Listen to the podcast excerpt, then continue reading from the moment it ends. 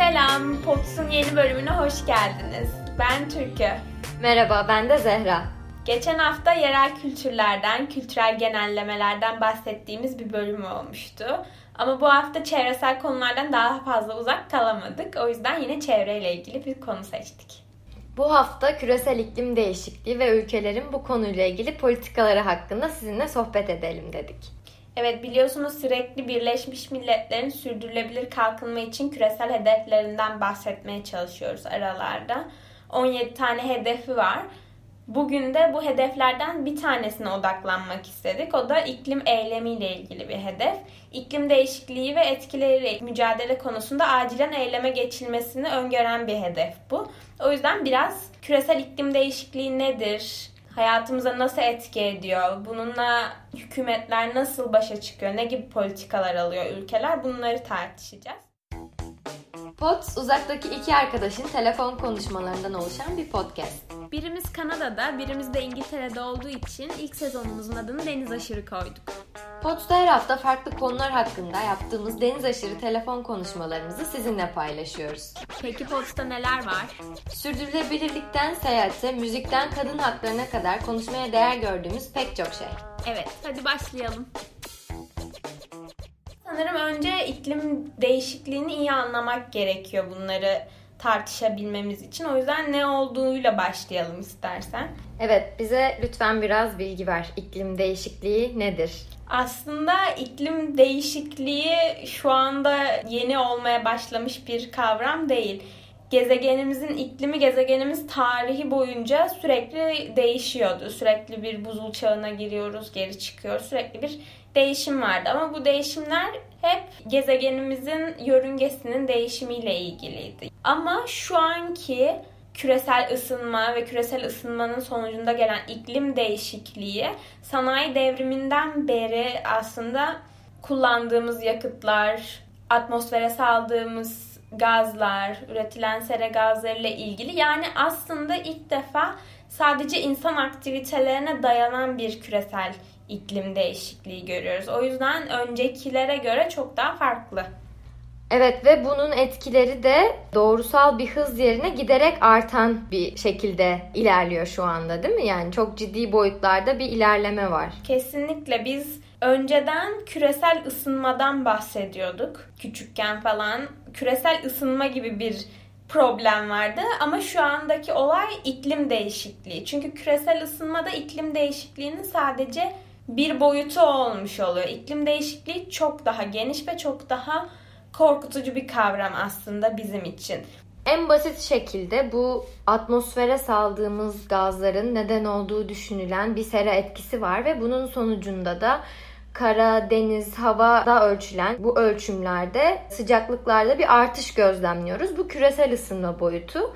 İklim değişikliğinde de ısınmanın yanı sıra farklı bölgelerde çok farklı hava olaylarıyla karşılaşabiliyoruz sadece sıcaklıklardaki artıştan ibaret değil Zehra'nın da dediği gibi kuraklık, seller, kasırgalar. Neredeyse Türkiye'ye bile geliyordu bir tane. Okyanus deniz seviyelerinde yükselme, asit oranlarındaki artış. En önemlilerinden birisi buzulların erimesi. Şu anda en çok konuştuğumuz konu. Bir sürü hayvanları, ekosistemi, insanları etkileyecek çok büyük riskleri olan bir kavram iklim değişikliği. Bu konuda da sanırım ülkelerin politikalarından bahsedeceksek iki tane önemli olay var. Bir tanesi Kyoto Protokolü. Kyoto Protokolü 97 yılında imzalandı yanlış hatırlamıyorsam ama ancak 2005'te yürürlüğe girebildi. Ve bu Kyoto protokolünde devreye girecek birçok önlemler alındı. Pahalı yatırımlar yapıldı bununla ilgili. Bu sözleşmeye göre atmosfere salınan sera gazı miktarlarını böyle %5'e çekeceği öngörülüyordu mesela. Tekrardan mevzuatlar, politikalar buna göre düzenlenecekti. İşte sanayiden, motorlu taşıtlardan ısınma kaynaklarına kadar hep bu sera gazlarını azaltmaya çalışan politikalar gütmek üzere hükümetler anlaştı. Ama Türkiye 2004'te buna katılmasına rağmen ancak 2008'de imzaladı Kyoto protokolünü. O yüzden her zaman aslında bu iklim değişikliği konularına biraz geç kalıyoruz. Paris Anlaşması'nda da böyle bir sıkıntı yaşamıştık. Aslında Paris Anlaşması'nın bizim için daha olumlu bir tarafı var. Yani Kyoto protokolüne göre biraz daha hızlı oldu her şey. Türkiye Dışişleri Bakanlığı'nın sitesinde de zaten anlaşma ile ilgili bilgiler var mevcut şu anda. İklim değişikliği ile ilgili 190'dan fazla ülkenin Paris'te 2015'te imzaladığı ve 2016'da yürürlüğe giren bir anlaşma bu. Aslında ülkeler bir nevi söz vermişti. Hepimiz önlem alacağız. İşte küresel sıcaklık artışını 2 derecenin altında tutacağız diye.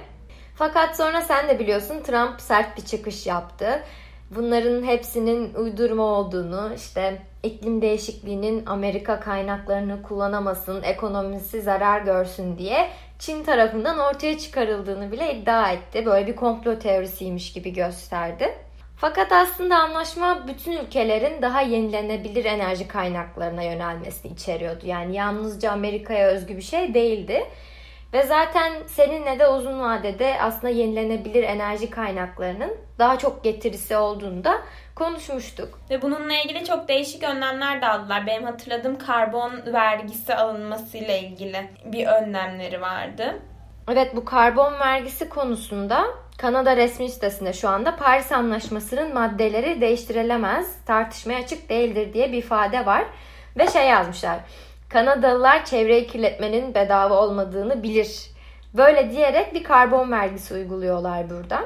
Karbon tüketiminde bulunan şirketlere yaydıkları sera gazıyla doğru orantılı olarak şu anda alınıyor bu ve ton başına 10 dolar alıyor devlet. Her yıl şu andaki plana göre 10 dolar bu artacak ve 2022 sonunda da ton başına 50 dolarlık bir vergi almayı düşünüyorlar. Karbon salınım vergisi. Çok güzel bir şey aslında. Ben hatırladığım kadar Türkiye bu arada şu anda anlaşmayı imzaladı ama o zamanlar çeşitli çekinceleri vardı ve mecliste bunu tartışıyorlardı imzalayıp imzalamamak konusunda. Çünkü Türkiye anlaşmayı onaylayıp meclisten geçirmek için Yeşil İklim Fonu'ndan pay alma şartını öne sürüyordu. Hani bize bir belli bir hibe versinler gibi. Ama şöyle bir sıkıntı da olmuştu. Paris Anlaşması'na göre Türkiye gelişmiş ülkeler sınıfında gözüküyordu ama gelişmekte olan ülkeler sınıfına sokulursak fon tarafından desteklenecektik. O yüzden Türkiye buna sürekli bir böyle anlaşmazlık çıkmıştı. Biz gelişmekte olan bir ülkemiz, gelişmiş bir ülkemiz falan diye. Ama nitekim Türkiye'de bu anlaşmadan geri kalmadığı için ben çok seviniyorum. Çünkü gerçekten bu anlaşmaya katılmamak çok kötü bir şey olurdu. Evet zaten Trump bile bu konuyla ilgili iki gün önce bir yazı okudum bu iklim değişikliği diye bir şey yoktur söyleminden vazgeçmiş. Şimdi yeni iddiası da şey, bunu insanların yaptığına emin olamayız diyor. Ve mesela iklimin tekrar değişeceğine inanıyormuş. Bununla ilgili CBS News'ta da bir röportajı var. Yine bunları söyledi. Kopan buz kütlelerinin insanlar olmasaydı da yine kopup kopamayacağını bilemeyiz gibi bir savunmada bulunmuş. Yani iklim değişikliğini insanların yaptığından emin olamayız gibi bir söylemi var. Bilmiyorum birkaç yıl öncesine kadar daha da sert bir söylemi vardı. Sanırım yavaş yavaş da olsa hani bir şeyler ona da artık şey mi oluyor fark etmeye mi başlıyor acaba? Kesinlikle her devletin çok büyük önlemler alması gerekiyor. Hele ki bu Amerika ise çünkü karbon salınımları Amerika'da inanılmaz boyutlarda. Sanırım şu an lider sınıfındalar yani. İklim değişikliğine en çok yol açan ülkeler arasında. Çünkü inanılmaz enerji tüketimleri var, inanılmaz karbon salınımları var. O yüzden böyle bir önlem almamaları gerçekten çok büyük bir ayıp olurdu. Türkiye için de öyle aslında. Türkiye'nin de bu karbon yakıtlarından kaçması kendi ekonomimiz için de çok avantajlı bir şey olur. Çünkü zaten petrol ithal ediyoruz, kömür ithal ediyoruz, doğal gaz ithal ediyoruz. Ancak Türkiye'nin inanılmaz bir alternatif enerji potansiyeli var. Yenilenebilir enerjiye geçişin hem Türkiye ekonomisine, çevresine, bizim sağlığımıza katkısı inanılmaz olacak. O yüzden böyle anlaşmalar bizim için bir fırsat denebilir. Ya zaten Dünya Kömür Derneği diye bir topluluk var ve sitesine girerseniz orada 150 yıllık kömür rezervinin kaldığını görürsünüz. Gerçekten yazmışlar açık açık, yeniliyorlar onu. Ve durum bu şekildeyken, bu kaynaklar sınırlıyken Türkiye'de değerlendirebileceğimiz alternatif enerji kaynakları inanılmaz. Gerçekten hem kıyılarımızdaki rüzgar enerjisi olsun, güneş enerjisi olsun bunlardan faydalanmamak çok büyük bir kayıp aslında. Burada Greenpeace'in bir kampanyasından bahsetmek istiyorum. Geçen senelerde yaptı bunu ama sanırım şu anda güzel adımlar atılmaya başlandı. Greenpeace'in kampanyasının ismi de çok güzeldi. Gölge etme. Gölge etme kampanyasıyla güneşin önündeki engelleri kaldırmayı amaçlıyordu. Yani Türkiye'de güneş enerjisi açısından çok büyük bir potansiyel var. Türkiye tükettiği tüm elektriği güneş enerjisinden sağlayabiliyormuş aslında. Ve biz yüzde birini bile kullanmıyormuşuz bu potansiyeli ve bu potansiyeli değerlendirmek için önümüzde büyük bir engel var. Bu da bürokrasi. O yüzden kampanyanın ismi çok güzel gölge etme olduğu için. Bu kampanyada insanların hani böyle çatılarına güneş enerjisi paneli taktırmak isteyenler için önlerindeki bürokratik engelleri aşmayı hedefliyordu. Ve hatta bunun için eğer böyle bir niyeti olan varsa bunun için pratik bir güneş rehberi de hazırlamıştı hatta. Şu anda da artık yavaş yavaş böyle adımlar atılıyormuş. Ben bunu sonrasında araştırdım. Neler oluyor Türkiye'de diye. Şu an için çatısına enerji üretene böyle esnaflık mertebesi verip vergi muafiyeti veriliyormuş. O yüzden Türkiye'de de bu teşvik politikaları yavaş yavaş hayata geçiyor ve Greenpeace'in bu kampanyasının da bir şekilde başarıya ulaştığını görüyoruz aslında. Ben kendim Antalya'dan geldiğim için biz orada mesela gün ısı dediğimiz güneş enerjisini çok kullanıyoruz. Hatta evinde gün ısı yoksa böyle çok tuhaf bakıyorlar nasıl yani neden gibi. Ama sadece Antalya'yla kalmak zorunda değil. Türkiye'nin başka yerlerinde de inanılmaz bir güneş enerjisi potansiyeli var. O yüzden bunun böyle yayılmaya başlamasını görmek çok güzel bir şey. Kesinlikle Kuşadası'nda da aynı şekilde her evin çatısında güneş enerjisi var. Her şeyi onunla kullanmaya çalışıyoruz. Sıcak suyumuzu öyle elde ediyoruz ve tamamen tertemiz, harika bir enerji. Yine aynı şekilde biz hatta oradayken Boğaziçi'nin Kilyos Sarıtepe kampüsüne kendi işlettiği bir rüzgar enerji santrali kurmuşlardı. Ve Boğaziçi gerçekten gurur duyuyorum bu konuda. Çünkü elektrik ihtiyacını tamamen kendi rüzgar santralinden karşılayan dünyadaki ilk üniversite kampüsü olmuştu. O yüzden inanılmaz bir adım aslında. Türkiye şu anda yavaş yavaş da olsa iklim değişikliğinin farkına varıp kendi yenilenebilir enerji potansiyelini keşfetmeye başladı. Ama bakıldığında bunların giderek artması ve hızlanması gerekiyor. Çünkü önümüzde başka ülkelerin çok güzel örnekleri var. Kendi hedeflerini çok büyük tutuyorlar. Mesela İsveç örneğinde olduğu gibi İsveç 2050'ye kadar tamamen karbon yakıtlar kullanmayan ve bütün enerjisini yenilenebilir enerjiden karşılayan ilk ülke olmayı hedefliyor. Ama biz daha bu boyutlarda değiliz ki bizim potansiyelimiz bakıldığında İsveç'e göre çok çok daha fazla yenilenebilir enerji konusunda. Ben Türkiye'nin de hedeflerini gerçekten büyük tutup yenilenebilir enerji konusunda küresel iklim değişikliğiyle mücadele konusundaki öncü ülkelerden biri olmasını çok isterim. Ben şu anda Kanada'da olduğum için etrafımı gözlemleyebiliyorum. Kanada bu konuda dünyadaki en bilinçli ülkelerden gerçekten. Atmosferdeki sera gazı oranını düzenli olarak ölçmek için kurdukları pek çok istasyonları var. İklim değişikliğini sadece kabul etmekle kalmamışlar. Devletin resmi sitesinde de bununla ilgili pek çok bölüm var işte iklim değişikliği politikamız, aldığımız önlemler diye. Bunu da ulaşım, ev gibi hatta daha spesifik olarak iklim değişikliğinin kadınlar üzerindeki etkisi diye ayırmışlar. Benim çok ilgimi çekmişti bu bölüm ve okudum.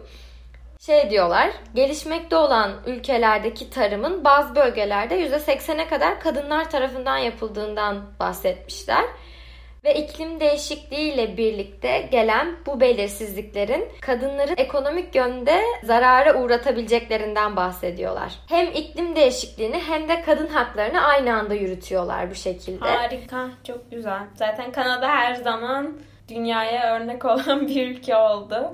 Evet, Birleşmiş Milletler'in düzenlediği iklim değişikliği kongresine de Devlet Kanada'yı temsilen birçok yerli kadını davet etti mesela. Çok güzel bir hareketti bence. İşte gelişmiş ülkelerdeki insanların konuştuğu konular bile farklı oluyor sanırım. Kesinlikle. Ben de İngiltere ile ilgili birkaç araştırma yaptım. Bakalım şu anda içinde olduğum ülkenin bu konudaki politikaları neler?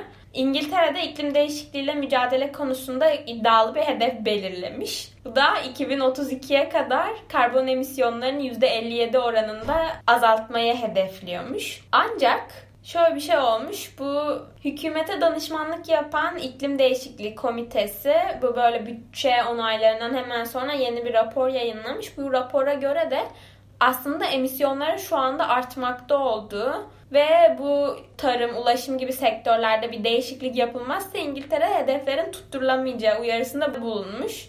Aslında şöyle yani İngiltere baya böyle yüksek bir hedef belirlemiş kendine ama şu anda bunu karşılayamıyor anladığımız kadarıyla. Bu komiteye göre de bu hedeflerin tutturulabilmesi için elektrikli otomobillere geçişin hızlanması gerekiyormuş ve evdeki ısı mutfak ihtiyaçlarının yenilenebilir enerjiyle karşılanması gerekiyormuş. Yine rüzgar güneş enerjisi tesislerine mali yardımın sürmesi tavsiye ediliyormuş. Ama acaba İngiltere bu hedefine ulaşabilecek mi ben merak ediyorum.